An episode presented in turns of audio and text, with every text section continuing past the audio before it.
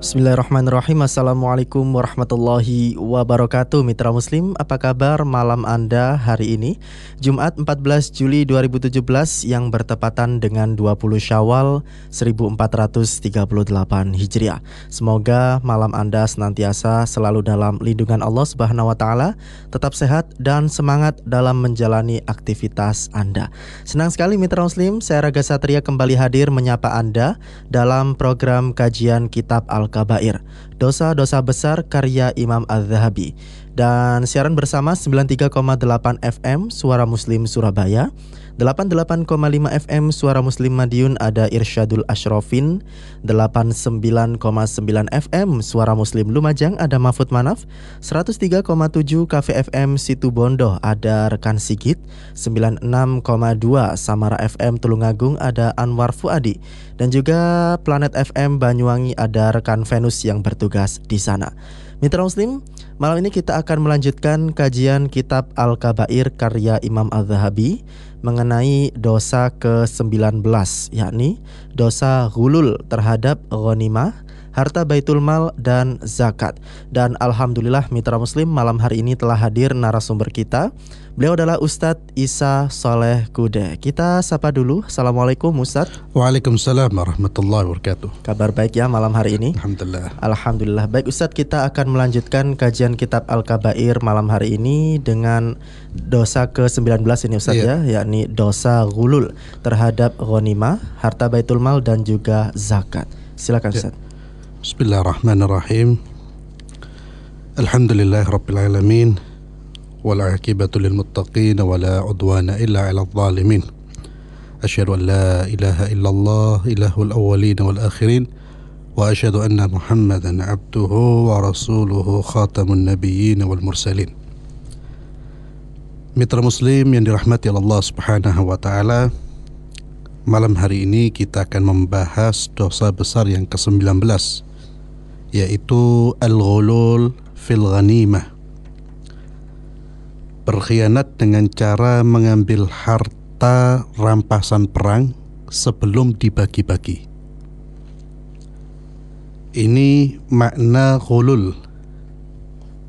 Makna asli dari ghulul adalah mengambil harta rampasan perang sebelum dibagi. Ya. Tapi kemudian makna ini dikembangkan tidak hanya berkaitan dalam urusan harta perang, hmm.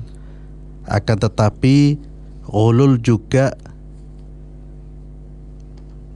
dikaitkan dengan harta baitul mal, hmm. yakni harta baitul mal itu kas negara, ya. harta milik negara, hmm. atau juga zakat. Ini makna dari gulul. Jadi tidak hanya terbatas pada harta rampasan perang. Setiap perbuatan khianat yang dilakukan oleh seseorang dalam kaitannya atau da dalam masalah harta, maka itu disebut dengan gulul. Dan termasuk gulul ini adalah korupsi. Ya itu juga termasuk gulul sebagaimana dijelaskan oleh para ulama kontemporer Perbuatan ini merupakan pengkhianatan dan termasuk dosa besar karena kita tahu bahwa pengkhianatan itu bermacam-macam. Allah Subhanahu wa taala berfirman di dalam surat Al-Imran ayat 161 A'udzu billahi minasyaitonir rajim وما كان لنبي أن يغل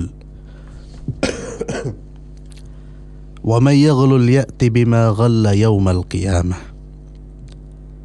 Tidak mungkin seorang nabi berkhianat dalam urusan harta rampasan perang. Barang siapa yang berkhianat dalam urusan rampasan perang itu, maka pada hari kiamat dia akan datang membawa sesuatu yang dikhianatkannya itu. Ayat ini sebagaimana disebutkan oleh Al-Hafidh Ibnu Katsir rahimahullah taala berkaitan dengan tuduhan orang-orang munafik kepada Rasulullah sallallahu alaihi wasallam. Mereka menuduh Nabi korupsi. Mereka menuduh Nabi korupsi, mengambil harta rampasan perang Ya. dengan cara sembunyi-sembunyi. Jadi subhanallah Nabi saja dituduh ya. Dan itu memang salah satu cara orang-orang yang membenci Islam untuk menjatuhkan atau menjauhkan ajaran agama ini dari pemeluknya. Cara untuk merusak ajaran agama Islam. Kalau ajarannya tidak bisa dirusak, terlalu kuat, mereka tidak bisa membuat syubhat dan terbantahkan syubhat mereka, mereka menyerang pembawa ajaran agama tersebut. Kalau nabinya nggak bisa, mereka akan membidik sahabat-sahabatnya. Kalau tidak bisa dibidik, maka ulama-ulamanya. Terus itu akan dilakukan oleh musuh-musuh Islam untuk menjatuhkan atau menjauhkan manusia dari agama Allah Subhanahu wa taala. Jadi nabi utusan Allah dituduh mencuri oleh karangan munafikun. Ya. Jadi jangan kaget kalau sekarang ulama dituduh macam-macam. Itu kita tidak perlu terkejut. Itu memang cara-cara musuh-musuh Allah Subhanahu wa taala. Ulama yang betul ulama ya. Ya. Maka Allah menurunkan ayat ini menegaskan bahwa tidak mungkin seorang nabi itu berkhianat. Dan ini sekaligus tamparan buat mereka. Artinya apa yang mereka tuduhkan itu adalah kebohongan. Yang mereka tuduhkan itu adalah kepalsuan. Dan kemudian Allah menjelaskan perbuatan ulul ini akan mendapatkan sanksi di mana orang yang mencuri dia akan datang di hadapan Allah dengan barang yang dia curi. Kemudian di dalam hadis Rasulullah sallallahu alaihi wasallam dari Abu Humaid As-Sa'idi beliau berkata, "Ista'mala an-nabiy sallallahu alaihi wasallam rajulan min al-Azdi yuqalu lahu Ibnul Lutbiyah ala sadaqah." Nabi pernah memperkerjakan menugaskan seorang laki-laki dari Al-Azd yang dikenal dengan nama Ibnu Al-Lutbiyah untuk memungut zakat. Ditugaskan untuk mengambil zakat. Falamma qadim ketika orang itu kembali dari tugasnya qala dia berkata hadza lakum wa hadza uhdiya ilayya ini harta milik kalian, sedangkan yang ini harta yang dihadiahkan untukku. Sebagian harta zakat diberikan, sebagian lagi ini hadiah untukku. فقام النبي صلى الله عليه وسلم على المنبر.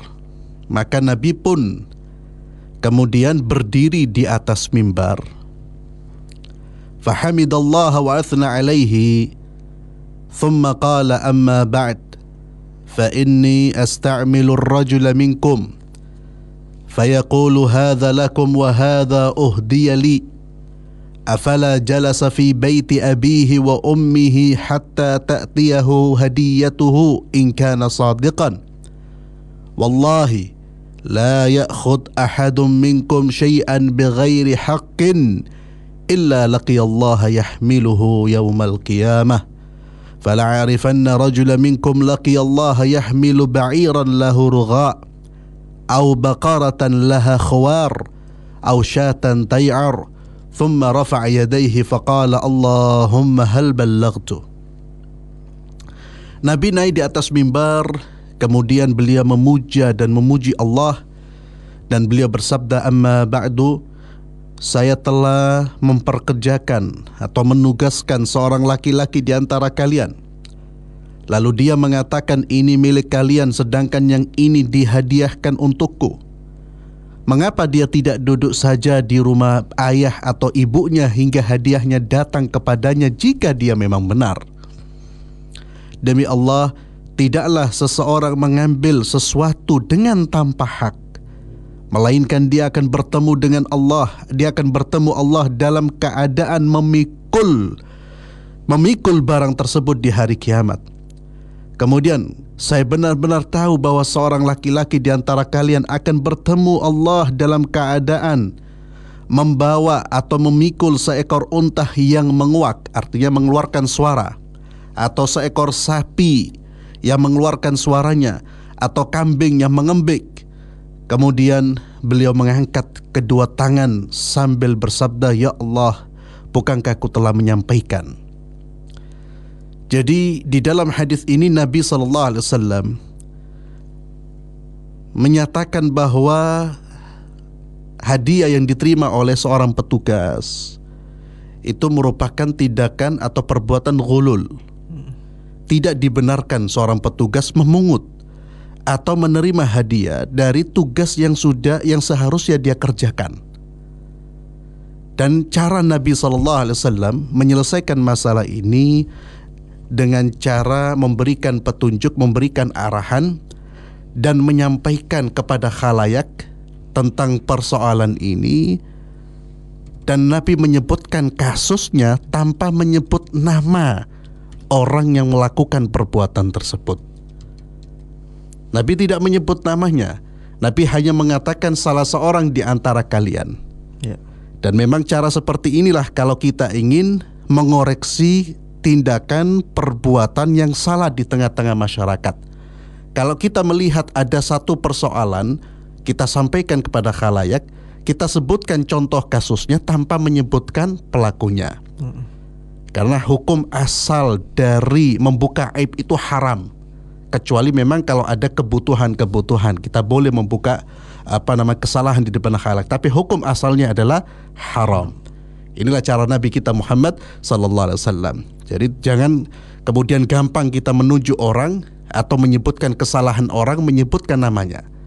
Selama bisa hanya disebutkan contoh kasusnya tanpa menyebutkan namanya maka itu cara yang terbaik.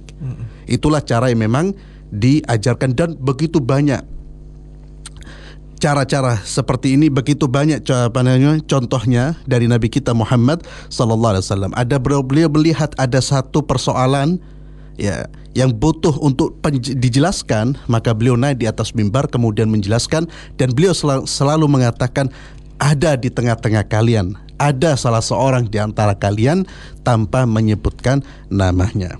Maka dari hadis ini kita bisa mengambil kesimpulan bahwa petugas pegawai, pejabat jangan sampai mengambil imbalan-imbalan yang berkaitan dengan tugasnya. Ya, termasuk nanti kita akan membaca hadiah-hadiah yang diberikan kepada pejabat, petugas atau pegawai. Ya. Kemudian dari Abu Hurairah radhiyallahu tabaraka wa taala anhu beliau berkata, "Kharajna ma'a Rasulillah sallallahu alaihi wasallam ila Khaybar." فلم نغنم ذهبا ولا ورقا.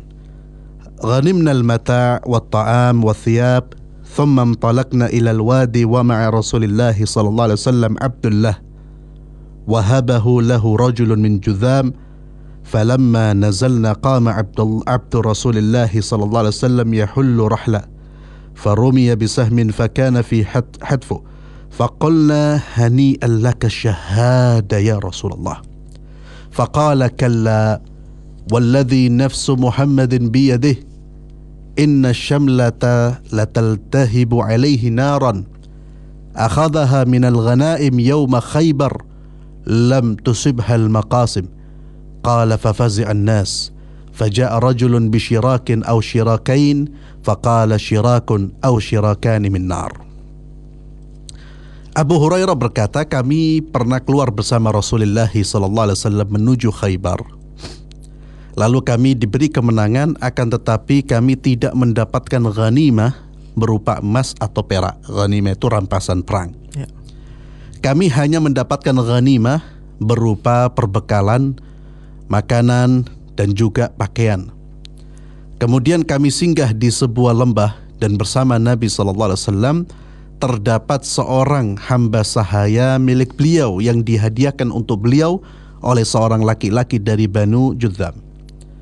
Ketika kami singgah di lembah itu, sahaya Rasulullah SAW tersebut bangun, yakni berdiri dan melepas pelana hewan tunggangan beliau.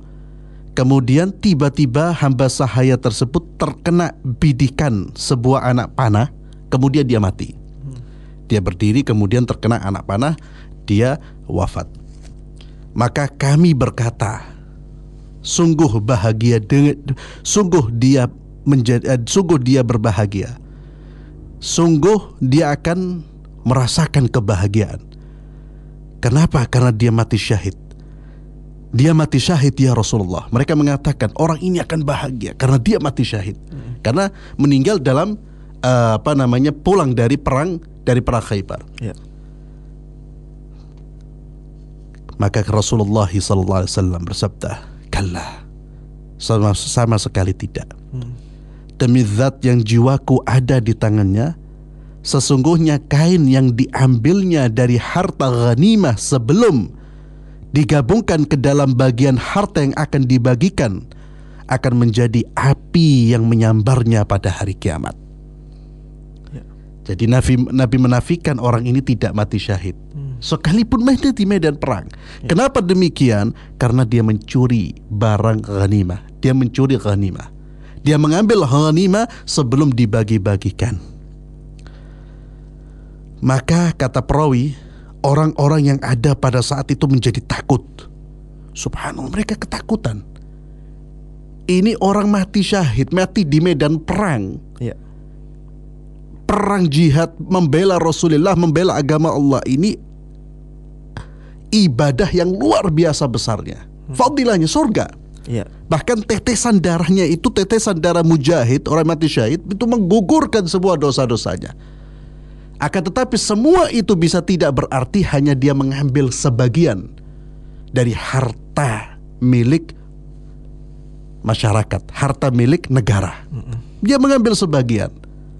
Orang-orang pun takut sehingga seseorang seorang laki-laki membawakan satu atau dua tali sandal.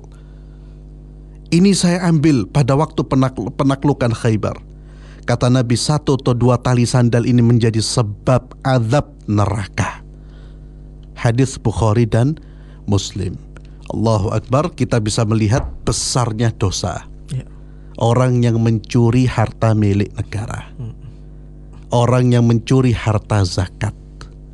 Orang yang mencuri harta ghanimah Bahkan begitu besarnya dosa ini sampai-sampai amalan-amalan besar pun tidak bisa menyelamatkan dia. Kalau mujahid saja bisa masuk neraka karena ngambil sedikit harta, bagaimana kalau orang gak jihad? Hmm. Wes gak jihad, sholatnya bolong-bolong, korupsi.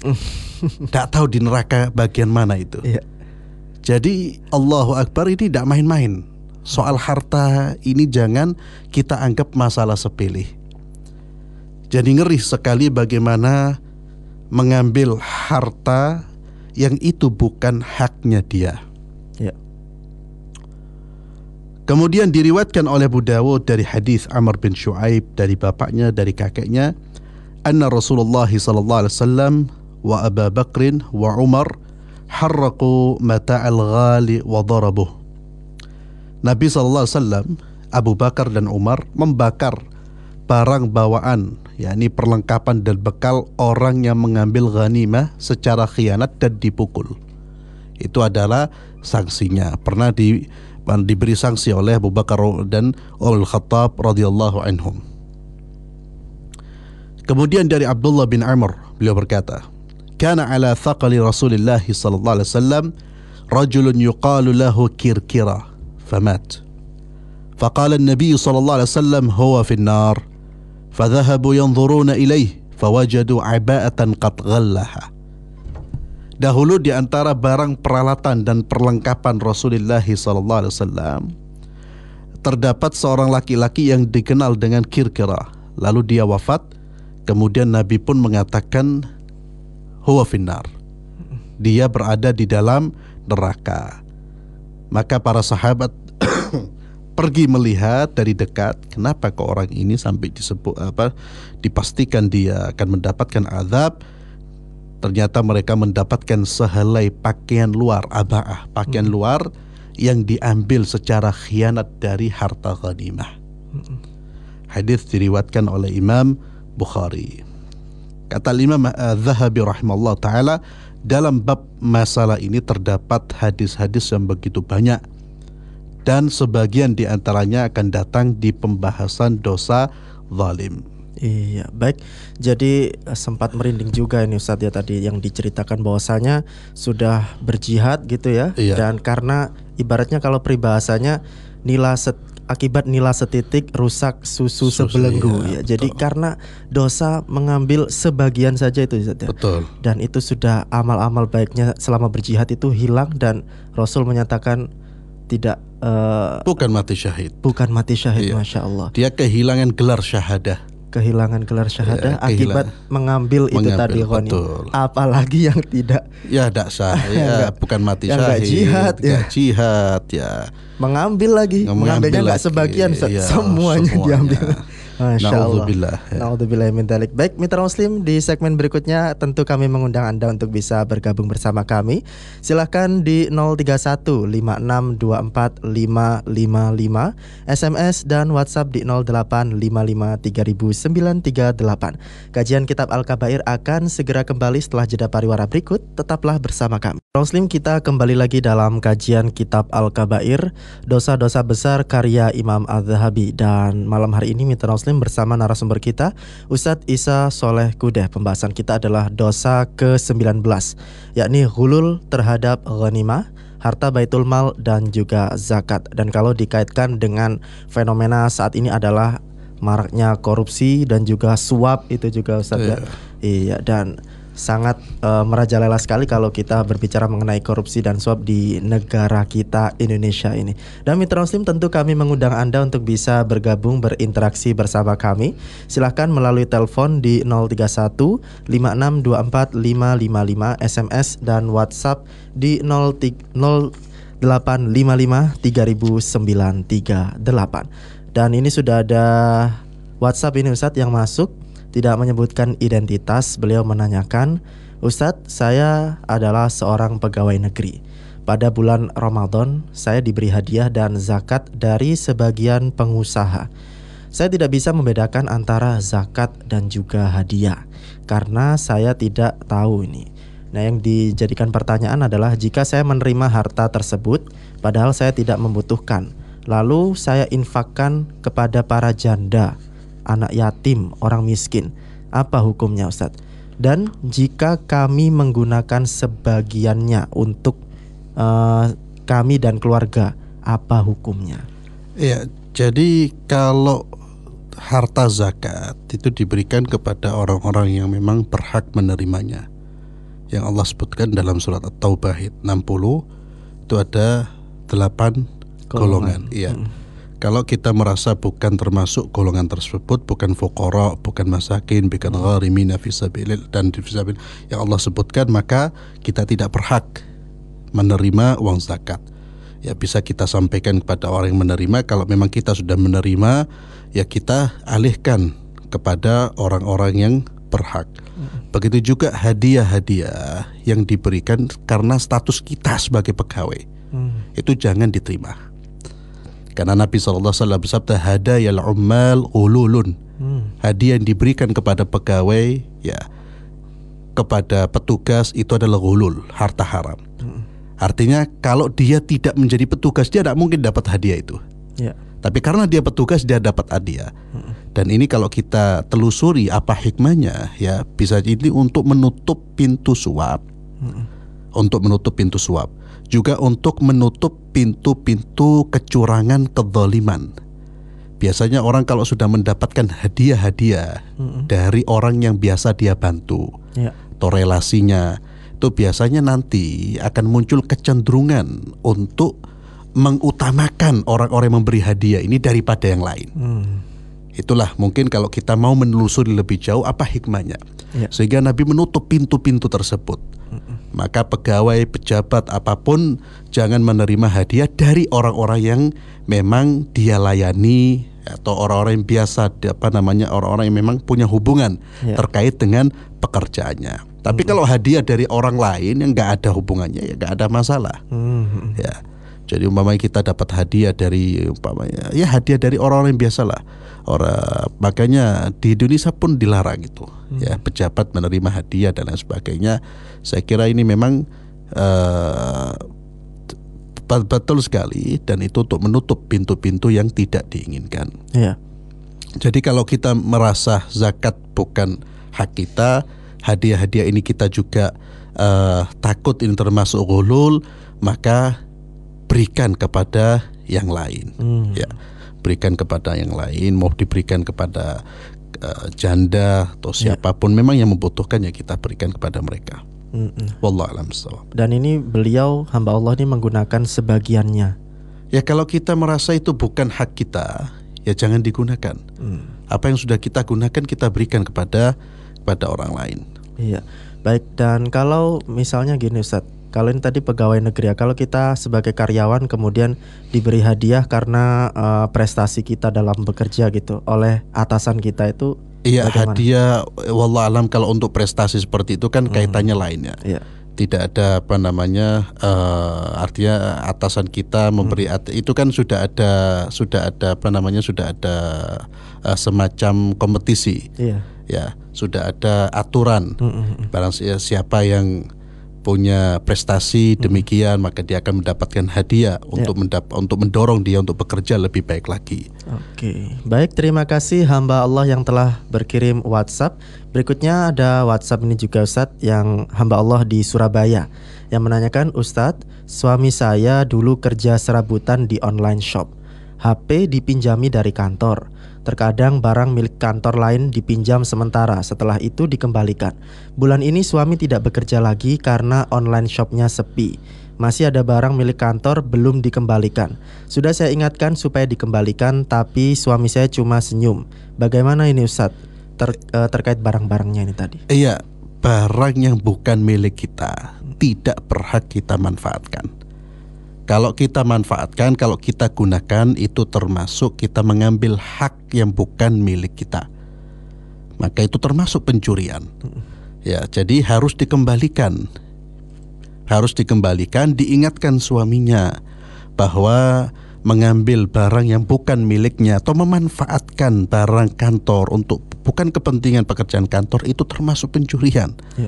termasuk korupsi. Hmm. Ya, jadi jangan disikapi dengan senyuman. Bahaya itu.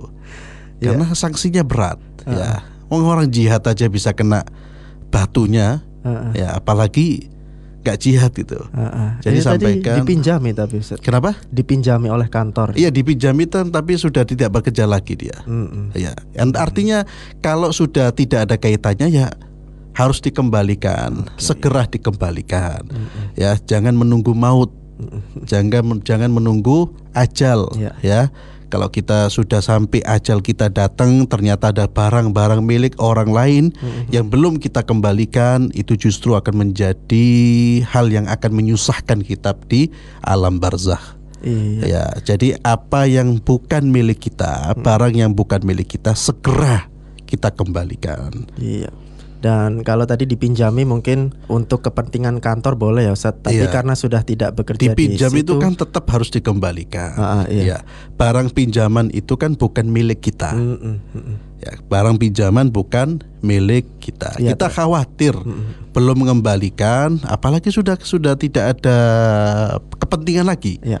Ya, sudah tidak ada kepentingan lagi, kita belum mengembalikan, ajal datang, istri gak tahu, akhirnya barang orang lain ada pada diri kita sampai kita dihisap barang itu masih ada dalam rumah kita. Itu kan nanti akan menjadi problem besar itu. Mm, Terkadang orang-orang ketika dipinjami oleh kantor misalnya mobil dan lain fasilitas sebagainya, kemudian tidak dipergunakan untuk kepentingan kantor, Kantor. melainkan untuk kepentingan pribadi. Iya, iya, Nah, itu jelas termasuk- difatwakan oleh para ulama termasuk. Oke. Ya, itu termasuk korupsi itu. Mm, mm, Jadi hati-hati sekali. mm. Jangan memanfaatkan fasilitas Ya. kantor untuk pekerjaan yang tidak ada kaitannya dengan kantor tersebut.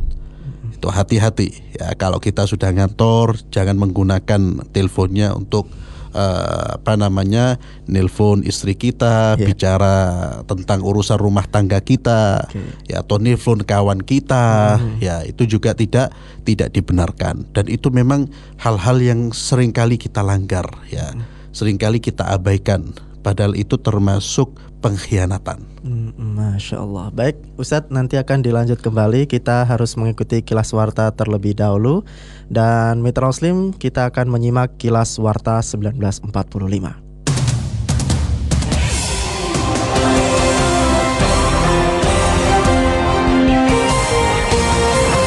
Saatnya menyimak Kilas Warta. Kilas Warta. Suara Muslim Radio Network.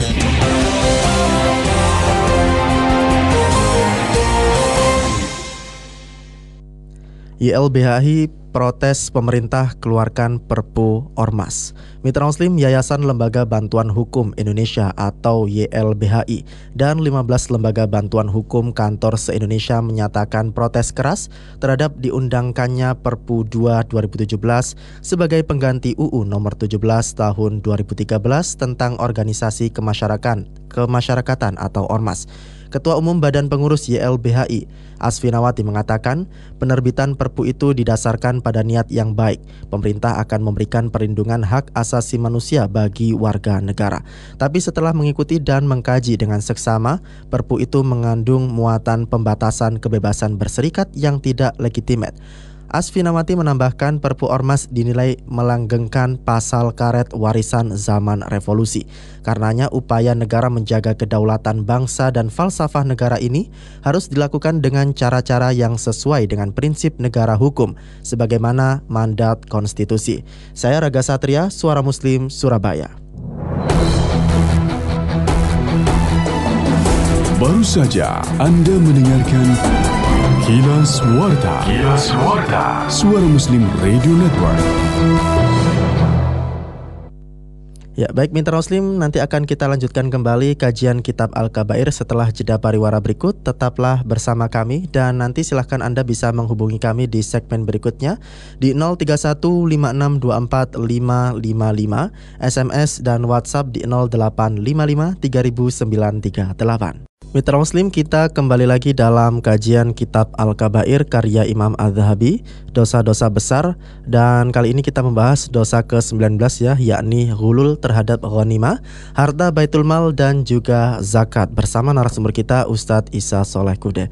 Mitra Muslim silahkan Anda bisa bergabung bersama kami berinteraksi di 031 5624 555 atau bisa juga mengirimkan SMS dan WhatsApp di 0855 300938. Ada beberapa SMS ini Ustadz yang sudah masuk, di antaranya eh, dari Pak Imam di Ngadiluih. Ini menanyakan, Ustadz ada lembaga pendidikan yang membuat kebijakan ngombe nggak ngombe, murid-murid harus bayar air mineral yang nilainya ratusan ribu. Kebijakan ini termasuk beradab atau biadab. Nah, ini mohon penjelasannya dari Pak Imam di Ngadiluih. Ya, Bagaimana? Wallah alam bisawab saya tidak tahu apa latar belakang yang melatar belakangi munculnya kebijakan ini ya. Tentu kita harus kaji terlebih dahulu. Ya tentu kalau eh, secara sederhana eh, ketika kita memaksa untuk mengambil eh, apa namanya memang- mengambil harta banyak harta wali murid padahal harta tersebut tidak ada manfaatnya sama sekali buat mereka ya tentu ini tidak di, dibenarkan. Tapi tentu sekali lagi saya tidak tahu itu lembaga pendidikan apa. Tentu semua itu kan pasti ada ada latar belakangnya, ada kajiannya dan lain sebagainya. Iya. Intinya jangan berbuat zalim lah, ya jangan berbuat zalim kepada orang lain. Begitu juga siapa pun yang melakukan itu entah lembaga pendidikan atau lembaga-lembaga yang lain, jangan sampai mengambil harta dengan cara yang tidak halal, membuat kebijakan-kebijakan yang itu eh me- apa namanya membuat orang lain merasa terdolimi. Iya. Oke. Bissawab. Baik, terima kasih Pak Imam di Ngadilui yang telah mengirimkan SMS. Berikutnya kita beralih ke WhatsApp ini Ustadz. Ada yang menanyakan, Ustadz, bagaimana jika ada seorang amil ketika mengambil zakat, mengambil hak zakatnya, kemudian sang muzaki ini memberi uang beli bensin, uang untuk membeli bensin dan disampaikan dengan jelas. Ditambahi gitu mungkin Ustaz.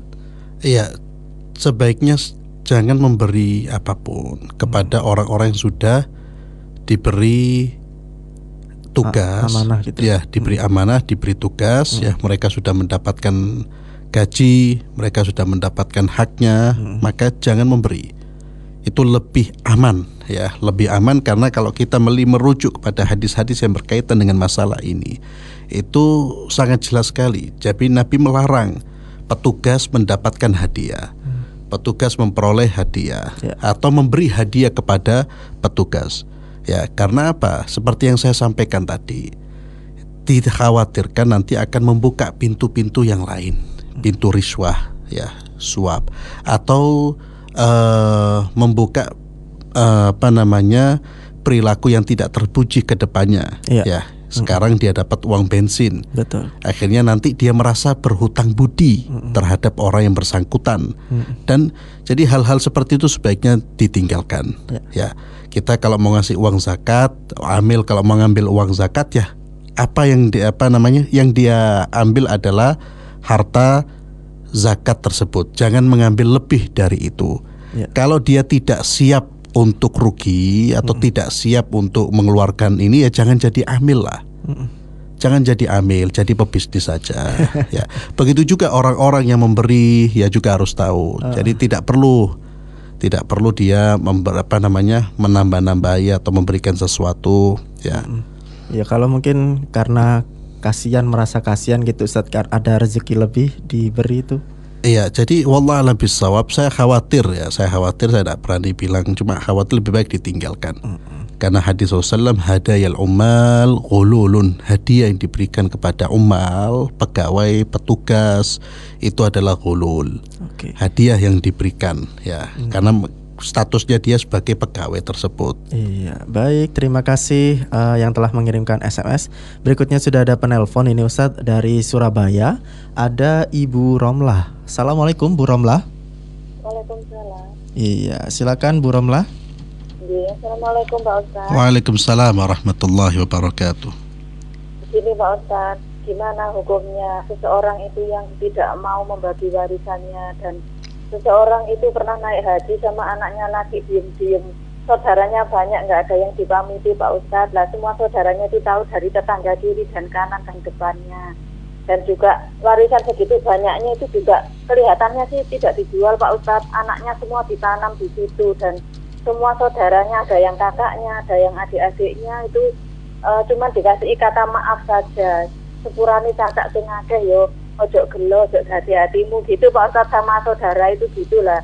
Sebagian saudara itu ada yang tadinya nggak ridho karena dengan saran anak-anaknya jadi ada yang ridho terus tapi ada yang lainnya lagi yang nggak ridho jadi nggak mau silaturahim kayak mangkel gitu loh Pak Ustadz. Nggak nggak dibagiin gitu loh Pak Ustadz. Jadi itu aja. Mohon maaf pertanyaan saya mungkin nggak ada kaitannya dengan ghanimah ya Pak Ustadz ya. Matur nuwun, Assalamualaikum Waalaikumsalam warahmatullahi wabarakatuh. Iya, mungkin Iya. bisa ditanggapi singkat gitu Ustadz. Iya. Ya harta milik orang lain, harta warisan itu kan milik orang ahli waris. Iya. Itu kan milik orang lain. Mengambilnya dan tidak membagi-bagikan itu juga termasuk mencuri. Hmm. Ya, mengambil hak orang lain. Iya. itu tidak dibenarkan dan termasuk dosa besar. Ya, jika ahli waris ya tidak apalagi tidak ridho, maka pelakunya akan mendapatkan sanksi. Jadi memang kalau harta warisan itu ya harus dibagi sesuai dengan ketentuan yang telah ditentukan oleh Allah Subhanahu wa taala melalui Al-Qur'an dan juga sesuai dengan apa yang ditentukan oleh Nabi sallallahu alaihi wasallam dalam sunnah-sunnah beliau. Iya. Jadi jelas tidak dibenarkan kita menahan haknya orang lain. Ya. Dan itu tidak bisa diselesaikan dengan sepuro atau dengan kata-kata maaf, tapi harus dikembalikan. Oke, baik. Terima kasih Bu Romlah di Surabaya yang telah bergabung melalui telepon. Ustadz nanti akan kita lanjutkan kembali ya di segmen berikutnya.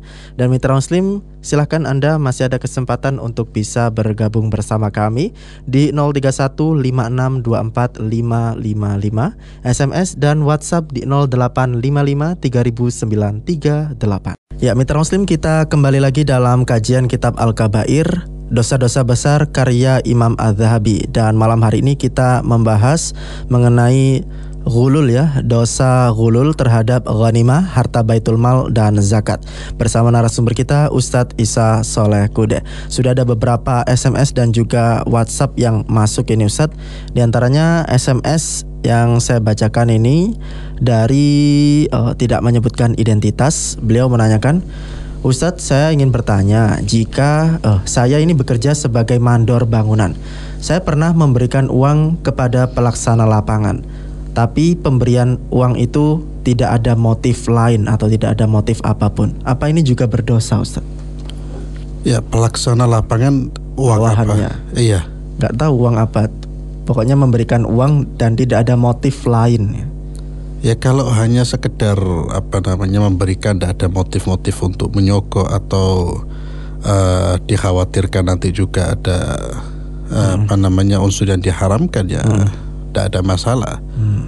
Ya jadi memberi apa namanya memberi uang umpamanya seseorang terlilit hutang, bawahnya terlilit hutang, dia beri, ya tidak ada masalah. Ya. Ya, karena nggak ada pekerja, tidak ada kaitannya dengan tugas yang seharusnya diemban hmm. itu.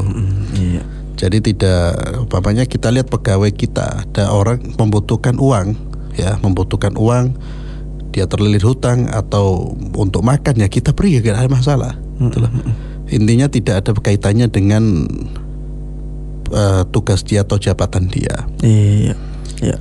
Uh, kalau ada kaitannya kita memberi satu kepada satu orang, yang lain akan iri, hmm. ya bisa menimbulkan kecemburuan di antara hmm. yang lain. Ini kok mengemaskan yang ini, hmm. gitu loh. Iya.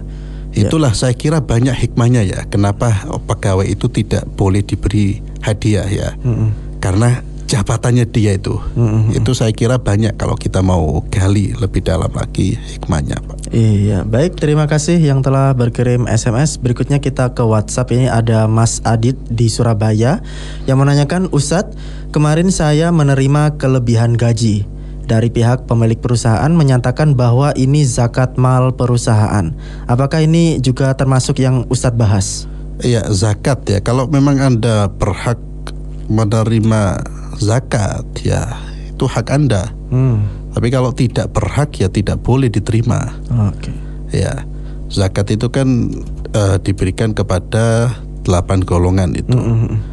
Yang Allah sebutkan dalam surat Taubah. Yeah. Kalau memang anda termasuk orang yang berhak menerima, ya silakan. Mm -hmm. Tapi kalau tidak ya kembalikan. Oke, baik. Terima kasih Mas Adit di Surabaya. Berikutnya masih ada WhatsApp ini Ustadz dari Mas Raven yang menanyakan Ustadz mohon pencerahannya. Saya sekarang les di tempat les yang baru membuka cabang di daerah saya. Di sana kata yang punya tempat itu kalau kita bisa mendapat teman untuk diajak les di situ, maka akan diberi bonus. Bila suatu saat nanti saya mendapatkan teman dan mendapatkan bonus itu, apakah boleh saya mengambil bonus itu? Memberi bonus. Mm, karena berhasil mengajak orang lain untuk les di tempat itu tadi. Iya, wallah alam bisawab saya kira tidak termasuk ini ya. Tidak termasuk. Tidak termasuk hulul ini ya. Itu pekerjaan lain kan. Mm-hmm. Artinya dia memberikan view lain di di luar tugasnya mm-hmm. dia. Menjadi marketingnya gitu. Iya, ya? menjadi marketingnya lah. Uh, uh, uh, boleh Ustaz ya. Wallah alam insya Allah tidak ada masalah saya kira. Oke, okay, baik. Terima kasih Mas Raven. Terakhir ini Ustaz masih WhatsApp yang barusan masuk ini. Ustadz saya jamaah masjid, suatu ketika saya masukkan uang di kota amal. Ternyata tidak ada temboknya. Makanya uang selalu kosong, tidak ada gemboknya ini mungkin Ustaz. Makanya uangnya selalu kosong terus. Lalu saya kasih gembok sehingga tadi sore isinya banyak sekali. Tapi takmir tidak bertanya, apakah saya ini salah Ustaz memberi gembok tanpa izin ke takmir itu tadi. Ya insya Allah tidak salah lah Hmm. ya memberi gembok ya eh, ini kan juga untuk keamanan. Hmm. Justru yang salah itu kalau uang hilang, uang tidak apa namanya kok ada orang masukkan uang tapi kok gak ada wujudnya. ya itu berarti kalau dibiarkan berarti kita salah. Hmm, Justru kita harus melakukan pencegahan, apalagi uang mau umat, uang umat. Iya. Justru kita melakukan upaya untuk menjaga uang umat ini agar terjaga. Hmm. Itu bukan kesalahan tapi kebaikan. Ya tentu hal-hal yang kita lakukan di masjid selama masjid itu ada takmirnya ya tentu lebih afdol kita menyampaikan kepada pihak pihak takmir. Ya. Kita sebutkan kenapa kita memberi gembok In- dalam rangka ini saya kira kan tidak ada masalah kita sampaikan itu. Iya. Karena memang kalau eh, di sebuah lembaga atau masjid ya jelas ya ada takmirnya, ya apa yang kita kerjakan, yang kita lakukan yang berkaitan dengan masalah masjid itu tentu lebih beretika dengan meminta izin atau menyampaikan kepada pihak pihak takmir istilahnya orang yang punya wewenang lah. Ya, baik Ustadz, sepertinya eh, kita sudah berada di penghujung acara malam hari ini. Mungkin bisa diberikan closing statement Ustadz mengenai pembahasan kita dalam dosa ke-19 ini. Iya, intinya kita harus amanah ya, amanah menjalankan tugas dan kita menjalankan tugas dalam rangka mencari ridha Allah Subhanahu wa taala. Jangan sampai kita menjalankan tugas yang menyangkut eh, keumatan untuk memperkaya diri dengan cara-cara berkhianat mengambil harta yang bukan harta kita atau mengharapkan ada tambahan-tambahan dari orang lain yang berkaitan dengan tugas kita padahal kita sudah sudah digaji. Amanah itu sesuatu yang sangat mulia bahkan termasuk tolok ukur keimanan.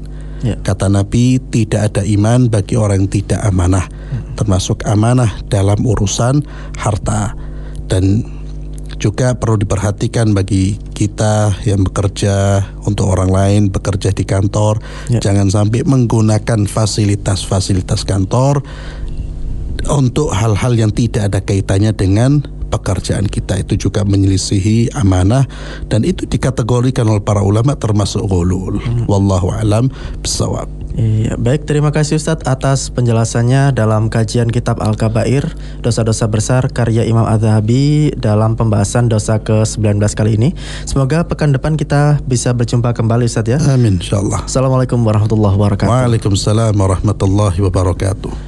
Ya, demikian mitra muslim pembahasan kita tentang dosa ke-19 malam hari ini, yakni dosa ghulul terhadap ghanimah, harta baitul mal dan zakat. Dalam kajian kitab Al-Kabair, dosa-dosa besar karya Imam Az-Zahabi. Terima kasih kepada rekan-rekan yang bertugas di Radio Network. 88,5 FM Suara Muslim Madiun ada Irsyadul Ashrafin, 89,9 FM Suara Muslim Lumajang ada Mahfud Manaf, 103,7 Cafe FM Situbondo ada Sigit, 96,2 Samara FM Tulungagung ada Yus Arifin dan juga Planet FM Banyuwangi ada rekan Venus yang bertugas. Produser sekaligus gatekeeper Imam Wahyudi. Saya Raga Satria undur diri dari ruang dengar Anda. Subhanakallahumma wa bihamdika nasyhadu alla ilaha illa anta nastaghfiruka wa natubu ilaik. Maha suci Engkau ya Allah dan dengan memujimu kami bersaksi tiada Tuhan yang berhak diibadahi selain Engkau. Kami memohon ampun dan bertaubat kepadamu. Wassalamualaikum warahmatullahi wabarakatuh wabarakatuh. Ya baik mitra muslim kita kembali lagi dalam program kajian kitab Al-Kabair Dosa-dosa besar karya Imam Az-Zahabi Dan malam hari ini mitra muslim kita membahas Dosa ke-19 Ghulul terhadap ghanimah Harta baitul mal dan zakat. Bersama narasumber kita Ustadz Isa Soleh Gude. Mitra muslim silahkan anda bisa bergabung bersama kami di 031 5624 555 SMS dan WhatsApp di 0855 3938 Dari beberapa pembahasan tadi mungkin ada yang belum tersampaikan Ustadz ya Iya. Bisa dilanjutkan kajian kitab Al-Kabair kita Ustadz silahkan Iya, saya lanjutkan uh, Imam Az-Zahabi rahimahullah taala kemudian menjelaskan bahwa ghulul ini termasuk kezaliman. Beliau mengatakan kezaliman itu ada tiga bagian, yakni kezaliman terhadap hamba-hamba Allah. Pertama, memakan harta dengan cara yang batil. Dengan cara yang batil artinya tidak dengan cara yang dibenarkan oleh syariat itu termasuk kezaliman. Kemudian kedua, kezaliman terhadap hamba-hamba Allah dalam bentuk membunuh, memukul, mematahkan atau melukai. Yang ketiga, kezaliman dalam bentuk mencaci, melaknat, mencelah dan menuduh. Ya, jadi tiga bentuk kezaliman mengambil harta dengan cara yang batil, ya. Kemudian dengan fisik kita, dengan tangan dan kaki dan juga kezaliman dengan lisan. Ya. Ya, mencela, melaknat, kemudian mencaci maki atau menuduh itu juga termasuk perbuatan zalim. Nabi SAW pernah menyampaikan khutbah di Mina di mana beliau bersabda inna dima'akum wa amwalakum wa a'radakum alaikum haramun ka hurmati yaumikum hadha fi syahrikum hadha fi baladikum hadha muttafaqun alaih Sesungguhnya darah kalian, harta kalian, dan kehormatan kalian itu haram. Sebagaimana keharaman hari kalian ini pada bulan ini dan negeri ini. Sebagaimana Mina itu adalah tempat atau Mekah itu tempat yang terhormat. Maka harta orang muslim itu sangat terhormat. Ya. Begitu juga kehormatannya juga terhormat, wajib dihormati. Kalau kita tidak mungkin melakukan pelecehan terhadap kota suci Mekah, begitu pula jangan melakukan pelecehan terhadap kehormatan saudaramu. Ya. Jadi harta kita, harta umat Islam, harta eh, orang-orang Muslim, ya darahnya, kehormatannya itu adalah sesuatu yang wajib dijaga. Ya. Jangan sampai kemudian dinodai kehormatannya atau darahnya ditumpahkan atau hartanya diambil. Bahkan Abdullah bin Abbas ya itu pernah berkata bahwa kehormatan kehormatan seorang muslim itu lebih terhormat daripada Ka'bah. Ya. Lebih terhormat daripada Ka'bah. Ini perlu menjadi perhatian kita ya karena kita hidup sekarang ini kehormatan seseorang itu tidak ada harganya. Ya. Orang dengan mudahnya mencela, menghina, menuduh, menggunjing dengan mudahnya tanpa ada perasaan dosa. Apalagi naudzubillah sampai mengambil hartanya atau sampai melakukan pembunuhan. Kemudian kelanjutan dari pembahasan ini Al-Imam Az-Zahabi rahimahullah taala membawakan hadis Rasulullah sallallahu alaihi wasallam la yaqbalullahu salatan bighairi tahur wala sadaqatan min ghulul. Allah tidak akan menerima salat yang dilakukan tanpa bersuci. Salat tanpa bersuci, salat tanpa wudhu, atau salat masih dalam kondisi hadas, ya baik itu hadas kecil maupun hadas besar. Allah tidak akan menerima salatnya. Begitu juga Allah tidak akan menerima sedekah baik sedekah sunnah ataupun zakat dari harta yang diambil dari ghanimah secara khianat qulul. Sedekah tidak akan diterima oleh Allah Subhanahu wa taala jika harta tersebut adalah harta haram. Ya. Jadi orang maling, mencuri, korupsi, berkhianat, ya, Ya. kemudian sebagian dia sedekahkan, maka tidak akan diterima oleh Allah Subhanahu wa taala. Tidak ada istilah pemutihan harta. ya, harta jadi halal kalau dimanfaatkan untuk membantu orang lain. Harta tersebut tidak akan menjadi halal. Harta itu akan menjadi bencana bagi dia di hari di hari kiamat. Karena Nabi SAW juga bersabda, Inna Allah tayyibun la yakbalu illa tayyiban. Sesungguhnya Allah itu maha baik dan tidak menerima kecuali sesuatu yang baik, sesuatu yang halal. Ya. Kemudian dari Zaid bin Khalid al-Juhani beliau berkata, Inna rajulan ghalla fi ghazwati Khaybar فامتنع النبي صلى الله عليه وسلم من الصلاة عليه وقال إن صاحبكم غل في سبيل الله ففتشنا متاعه فوجدنا في خرزا ما يساوي درهمين Sesungguhnya seorang laki-laki pernah mengambil sesuatu dengan cara khianat dari harta ghanimah pada perang Khaybar. Maka Nabi SAW tidak mau mensolatkan Ya. ya tidak mau mensolatkan, tidak mau menyolati orang tersebut. Dan beliau bersabda, sesungguhnya teman kalian ini telah mengambil sesuatu secara khianat di jalan Allah Subhanahu wa taala. Allahu akbar. Kata perawi, maka kami memeriksa ternyata yang diambil itu uh, terdapat batu mulia dari perhiasan orang Yahudi yang tidak mencapai dua dirham. Mm Jadi angkanya tidak terlalu besar. Yeah.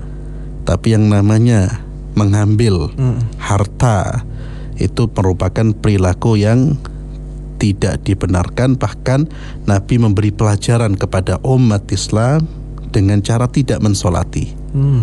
Tapi Nabi menyuruh sahabat-sahabatnya mensolati orang tersebut. Jadi ya. jangan sampai kita salah paham, tidak disolati sama sekali tidak. Nabi tidak mau. Sebagai apa? Sebagai pelajaran bahwa orang ini telah melakukan perbuatan yang sangat buruk. Nah, orang ini melakukan perbuatan yang sangat sangat buruk. Tapi Nabi menyuruh sahabat-sahabatnya mensolati ya. orang tersebut sehingga tidak sampai orang menganggap orang ini menjadi kafir hmm. karena perbuatannya. Dia tetap muslim tapi muslim yang telah melakukan dosa dosa besar. Imam Ahmad berkata, kami tidak mengetahui bahwa Nabi Shallallahu Alaihi Wasallam tidak mau mensolati jenazah seseorang kecuali orang yang mengambil harta ghanimah secara khianat dan orang yang bunuh diri. Ya. ya. Jadi kata Imam Ahmad, Nabi SAW itu mensolati jenazah semua orang Islam kecuali orang yang mati ya dia belum bertaubat dan dia adalah pelaku ghulul mengambil harta secara khianat ya seperti tadi saya uh, yang kedua adalah orang yang mati bunuh diri hmm. ya mati bunuh diri. bunuh diri itu tidak disolati oleh Rasulullah Sallallahu Alaihi Wasallam ya. ya Sebetulnya di dalam riwayat yang lain juga Nabi pernah uh, enggan menyosolati orang yang belum melunasi hutang, hutang. ya belum melunasi hutang. Iya, jadi seperti itu ya Rasul menyikapi orang-orang yang uh, berbuat dosa yang tadi telah ya, ini juga perlu diterapkan ya hmm. para koruptor yang belum tobat hmm. ya, jelas jelas sekali korupsinya ya memang dianjurkan para alim ulama untuk tidak perlu mensolati hmm. ya tidak perlu sebagai pelajaran. Yeah. Sebagai pelajaran bagi yang lain. Hmm. Sebagaimana Nabi tidak mensolati pelaku-pelaku kejahatan ini. Iya, tapi tetap disolati tetap oleh yang disolati, lainnya. disolati yang lain tetap hmm. karena termasuk haknya dia. Iya. Haknya seorang muslim itu ya dikafa kalau dia mati dikafani, disolati muslim apa pun ya do pendosa berbuat dosa tetap iya. dia punya hak hmm. untuk di dimandikan, dikafani, disolati dan diantar ke tempat peristirahatannya. Iya, baik Ustadz, uh, luar biasa sekali ya tentang dosa ke-19 kali ini. Banyak sekali uh, mungkin kita tidak sengaja sudah melakukan meskipun sedikit nominalnya sedikit tetap dosanya ya, sama Ustadz. Ini juga hukumannya sama penting, juga. penting sekali bagi kita. Uh -uh. Jangan menganggap uh -uh. ya, jangan menganggap uh, apa namanya pencurian itu atau mengambil hak orang lain itu hmm. dengan nominal yang sedikit kita anggap itu gak apa-apa. Iya, dosanya juga sedikit. Mungkin. Iya, dosanya sedikit ada itu. Iya. Jadi kalau sudah menyangkut hak orang lain itu memang Allahu Akbar ini dosa yang paling kita khawatirkan ya. Hmm, iya. Menyangkut hartanya orang lain, menyangkut kehormatan orang lain. Bisa jadi kita tidak mencuri hartanya, tapi kita merusak kehormatannya. Iya. Jadi Ya Allah, ini sangat penting kita perhatikan. Ya, sangat penting kita perhatikan. Kalau sudah bermuamalah dengan orang lain itu betul-betul kita harus menjaga diri. Iya. Dosa kita dengan Allah itu dosa, hmm. tapi tobatnya gampang. Hmm. Ya, kita meninggalkan perbuatan dosa tersebut kita berazam bertekad kuat untuk tidak mengulangi dosa tersebut mm-hmm. dan menyesali ya kita mau pernah meninggalkan sholat ya kita bertobat kepada Allah karena itu dosa besar yeah. tapi tobatnya antara kita dengan Allah saja mm. tapi kalau sudah mencak, menyangkut orang lain tiga syarat tersebut ditambah dengan kita harus mengembalikan haknya dia meminta maaf mm.